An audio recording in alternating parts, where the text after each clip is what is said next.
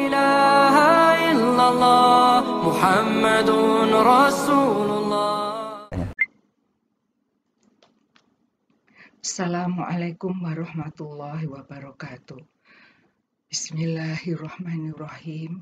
Alhamdulillah, alhamdulillahilladzi hadana li hada wa ma kunna linahtadiya laula an hadanallah. Asyhadu an la ilaha illallah wa asyhadu anna Muhammadar Rasulullah. Bapak Ibu sekalian yang saya hormati dan dimuliakan oleh Allah, muslimin dan muslimat di mana pun berada, marilah kita memanjatkan puji dan syukur kehadirat Allah Subhanahu wa Ta'ala, bahwa hingga di akhir Ramadan 1441 Hijriah ini, kita masih diberi kesehatan, kita masih diberi kesempatan untuk menyelesaikan Ramadan ini dengan baik, dan kemudian kita akan menyambut hari kemenangan satu Sawal 1441 Hijriah. Bapak Ibu sekalian yang dimuliakan oleh Allah, marilah kita mengirimkan salam dan sholawat kepada Nabi besar junjungan kita, kekasih Allah Nabi Muhammad Shallallahu Alaihi Wasallam. Semoga di akhir nanti kita mendapat syafaat darinya. Bapak Ibu sekalian dan saudara-saudara yang berbahagia, saya di sini ingin berbagi atau ingin sharing mengenai sesuatu yang menjadi pedoman kita kalau kita menghadapi suatu masalah yang besar berdasarkan agama kita, agama Islam. Apa kunci untuk penyelesaian itu? Ada satu kata yang sudah sangat kita kenal, yaitu sabar. Kata sabar ini ternyata mempunyai makna yang luas bagi hidup dan kehidupan kita di dunia ini sebagai resep untuk lancar memasuki kehidupan yang berikutnya, yaitu nanti di alam akhirat. Ada beberapa manfaat jika kita sabar. Yang pertama, sabar dalam menghadapi ujian dan tantangan hidup. Yang kedua, sabar dalam meraih cita-cita dan mewujudkan keinginan. Yang ketiga, sabar tetap istiqomah di jalan yang diridhoi oleh Allah Subhanahu wa taala. Kemudian yang keempat, sabar untuk menyampaikan kebenaran. Dan kelima, Allah bersama orang-orang yang sabar. Jadi kalau kita selalu sabar, kita yakin bahwa Allah akan bersama kita. Yang keenam adalah Allah menyayangi orang yang sabar, sehingga kalau kita disayangi Allah, kita akan menjadi kuat. Itulah kunci resep orang yang sabar. Baiklah, bapak-bapak dan ibu-ibu sekalian, serta rekan-rekan dan saudara-saudara semua yang dirahmati oleh Allah Subhanahu wa Ta'ala apa sebenarnya arti sabar itu? Sabar dalam bahasa Arab as dari kata asobru yang artinya menahan diri dari keluh kesah. Jadi ada juga arti bahwa sabar itu artinya bertahan.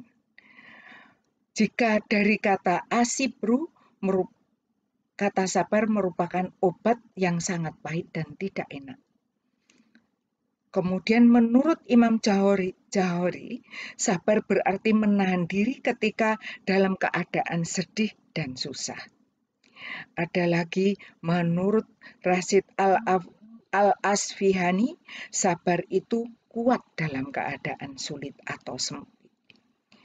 Sedangkan menurut Ustadz Quraisihab, sabar berarti menahan diri, membatasi jiwa, dari keinginan demi mencapai sesuatu yang baik atau menahan diri dari hawa nafsu yang merusak akal.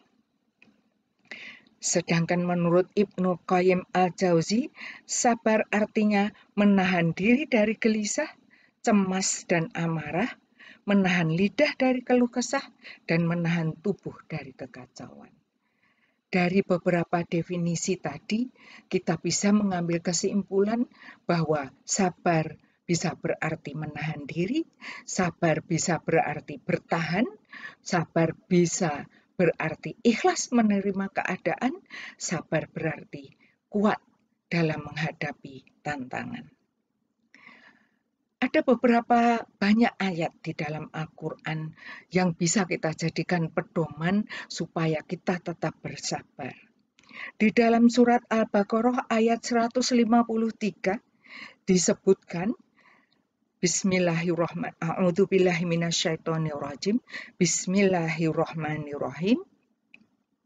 Ya ayyuhalladzina amanu sta'inu bisabri wassalah. Innallaha ma'asobirin.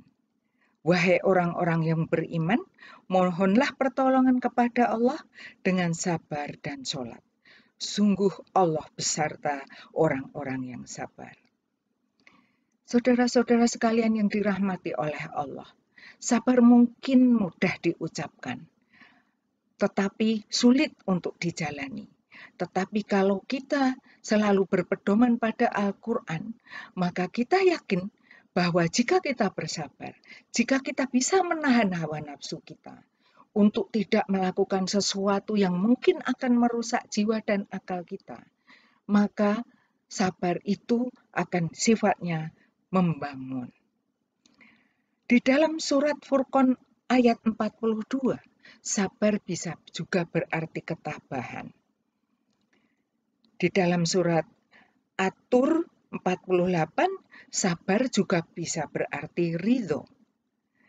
Yang artinya, dan bersabarlah dalam menunggu ketetapan Tuhanmu, maka sesungguhnya kamu berada dalam penglihatan kami. Dan bertasbihlah dengan memuji Tuhanmu ketika kamu berdiri dan duduk. Saudara-saudara sekalian yang dirahmati oleh Allah Subhanahu wa taala. Di dalam surat As-Sod ayat 44 disebutkan bahwa Nabi Ayub itu adalah termasuk orang yang sabar. Marilah kita merenung sejenak di dalam kehidupan kita yang sedang mengalami musibah pandemi kali ini, di seluruh dunia merasakannya. Tidak peduli negara kaya atau negara miskin, tidak peduli bangsa Eropa maupun Amerika, bangsa Afrika ataupun Asia. Sekarang ini kita sedang menghadapi musibah yang bernama virus corona atau COVID-19.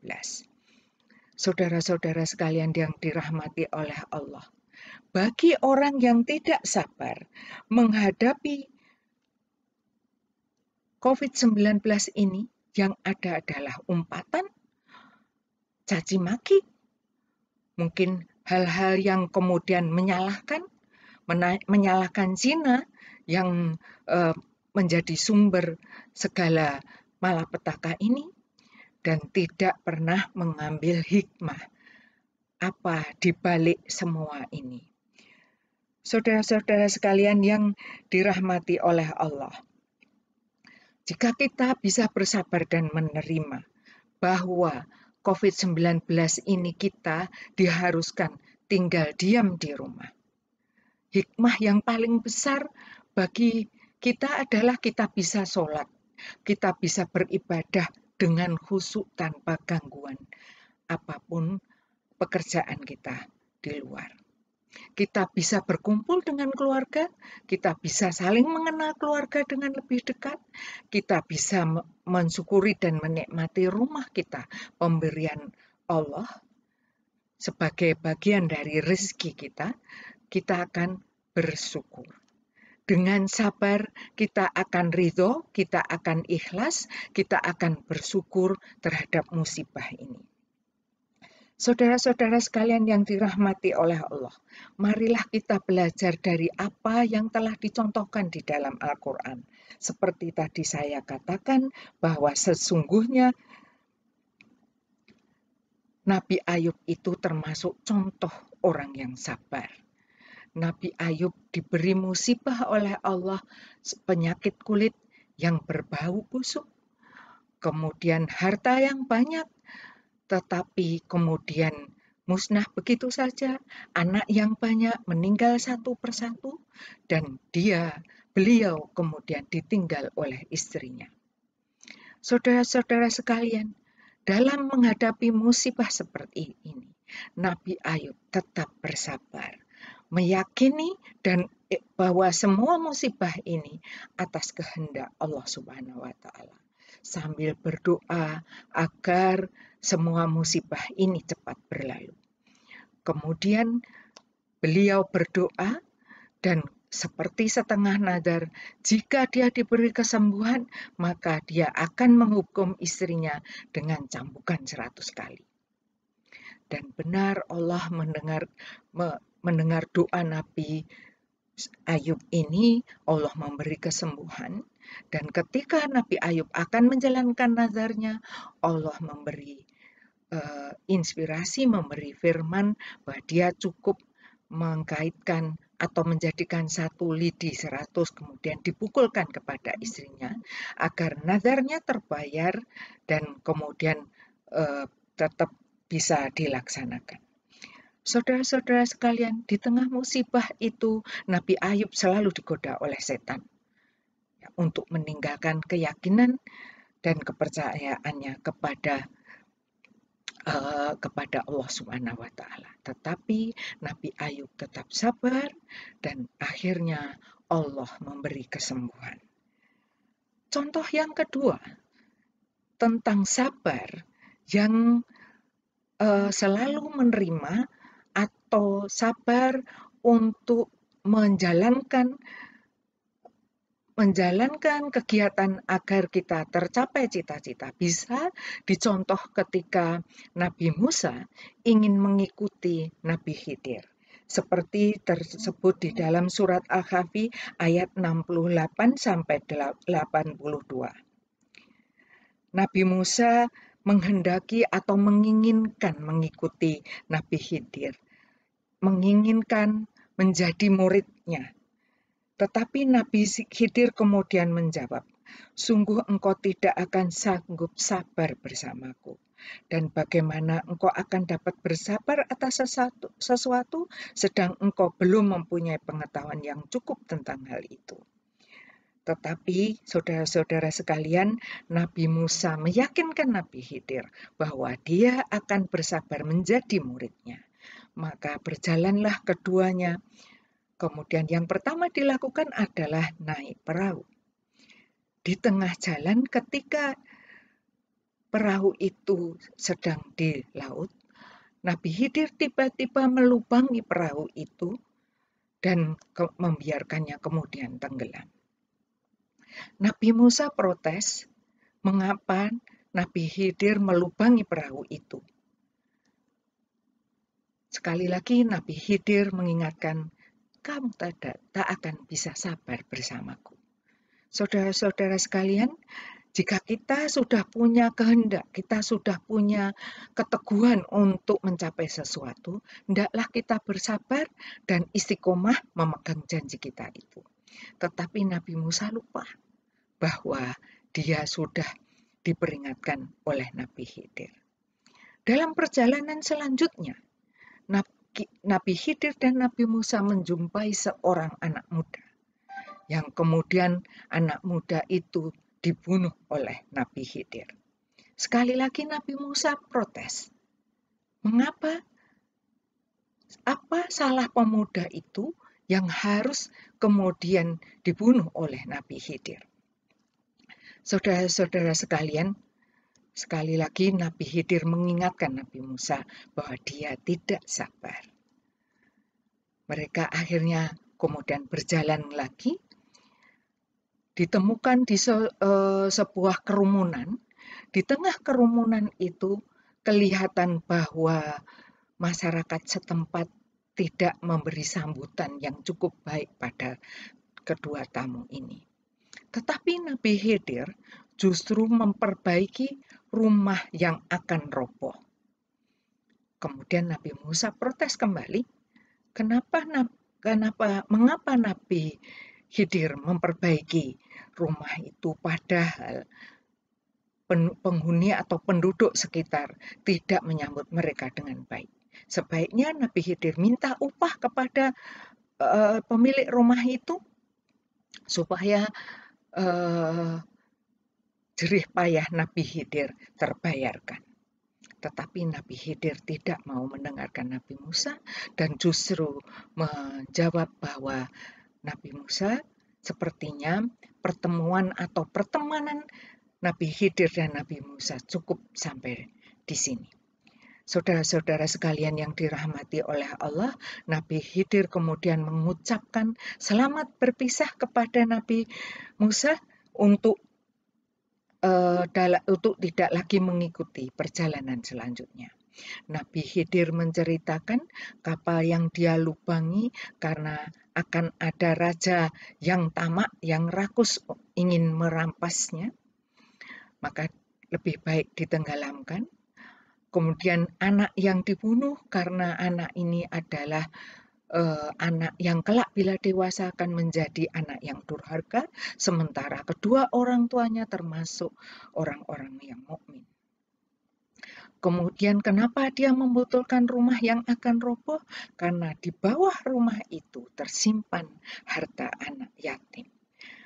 Nabi Khidir mengatakan bahwa nanti ketika dewasa supaya anak anak yatim yang ditinggali orang tuanya harta yang ada di bawah rumah itu bisa memanfaatkan harta tersebut. Demikian saudara-saudara sekalian sebagai eh, contoh uh, orang yang uh, kurang sabar yang dialami oleh Nabi Musa. Saudara-saudara sekalian, seorang nabi juga bisa tidak sabar karena eh, nabi itu ya adalah orang biasa seperti kita sebetulnya, tetapi diberi beban untuk menyampaikan pesan-pesan ilahi. Nabi Yunus alaihi salam termasuk yang kurang sabar menghadapi, umatnya yang diminta untuk menyembah hanya kepada Allah Subhanahu wa taala tetapi selalu menolak. Akhirnya Nabi Yunus meninggalkan mereka dan harus hidup di dalam perut ikan. Singkat cerita seperti itu. Saudara-saudara sekalian, seandainya Nabi Yunus sabar, kemungkinan tidak berada di perut ikan. Saudara-saudara sekalian, Nabi Muhammad pun pernah diingatkan oleh Allah supaya bersabar dalam menghadapi umatnya yang banyak menentang ajakannya. Seperti di dalam surat Atur ayat 48, dan bersabarlah wahai Muhammad menunggu ketetapan Allah Subhanahu wa taala karena sesungguhnya engkau berada dalam pengawasan Allah Subhanahu wa taala dan bertasbihlah dengan memuji Tuhanmu ketika engkau bangun. Saudara-saudara sekalian, demikian tadi adalah contoh-contoh nabi yang diberi ujian supaya bisa bersabar, menerima ikhlas, kemudian bisa menahan diri. Itulah contoh-contoh nabi, nabi yang mengalami ujian yang bisa kemudian keluar dari ujian itu dengan sukses. Saudara-saudaraku yang dirahmati oleh Allah, ada ilustrasi cerita seorang ibu yang mempunyai suami tidak mau bekerja sehingga dialah yang bekerja. Tiap hari dia harus mencari kayu ke hutan, kemudian sampai rumah dia memasak untuk suaminya yang tidak bekerja. Demikianlah yang dilakukan oleh wanita ini. Tetapi karena dia bersabar pada waktu itu, ada saja yang menolongnya dalam mencari kayu dalam mencari kayu itu dia selalu diikuti oleh singa tua yang selalu membawakan kayunya di ujung perbatasan. Itulah kemurahan dan kemudahan yang diberikan Allah ketika dia bersabar menerima bahwa suaminya tidak bekerja, dia tidak mempermasalahkannya. Tetapi ada bujukan-bujukan yang datang kepadanya. Seharusnya suami yang mencari yang memberi nafkah kepada istri. Seharusnya suami yang mencari kayu, seharusnya istri tinggal di rumah. Demikianlah bisikan-bisikan dari orang luar yang uh, mempengaruhi wanita yang semula sabar. Dia dibujuk supaya berpisah dari suaminya. Kalau berpisah dari suaminya, dia akan ringan hidupnya. Akhirnya dia tidak sabar dan mengikuti bujukan dan rayuan orang-orang di sekitarnya dan dia berpisah dari suaminya. Apa yang dihadapi oleh wanita ini ternyata hidupnya tidak lebih baik. Dia tetap mencari kayu di hutan dan yang dia cari singa yang singa tua yang biasanya menolong dia sudah mati sehingga tidak bisa lagi menolong dia. Sampai di rumah dia juga harus menyediakan makan untuk dirinya sendiri dan sekarang ditambah rasa kesepian karena tidak ada yang menemani. Saudara-saudara sekalian yang dirahmati oleh Allah Subhanahu wa taala.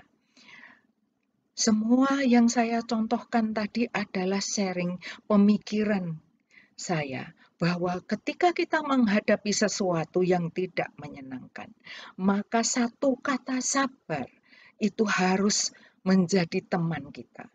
Kita harus istiqomah kalau itu sabar dalam menjalankan perintah Allah, kita harus bisa menahan hawa nafsu. Kalau itu sabar menghadapi ujian dari Allah Subhanahu wa taala. Kita harus tetap tekun menjalankan sesuatu kalau itu merupakan menjalankan cita-cita. Maka dengan sabar insya Allah cita-cita terlaksana. Dengan sabar insya Allah kehidupan yang lebih baik akan kita nikmati. Saudara-saudaraku sekalian, itulah tadi bekal kita untuk menghadapi kehidupan ini, agar kita sukses bisa keluar dari segala tantangan dan cobaan. Karena tantangan itu, cobaan itu tidak selamanya uh, menyedihkan. Bisa jadi tantangan dan cobaan itu satu hal yang menyenangkan. Kalau kita tetap sabar menjalaninya dan yakin bahwa semua yang diberikan kepada kita berasal dari Allah Subhanahu wa taala, maka baik senang maupun susah kita akan dengan gembira menjalankannya. Demikian yang bisa saya sampaikan saat ini. Semoga ada manfaatnya untuk kita semua. Bila taufik wal hidayah, waridho wa inayah. Wassalamualaikum warahmatullahi wabarakatuh. La ilaha illallah Muhammadun Rasulullah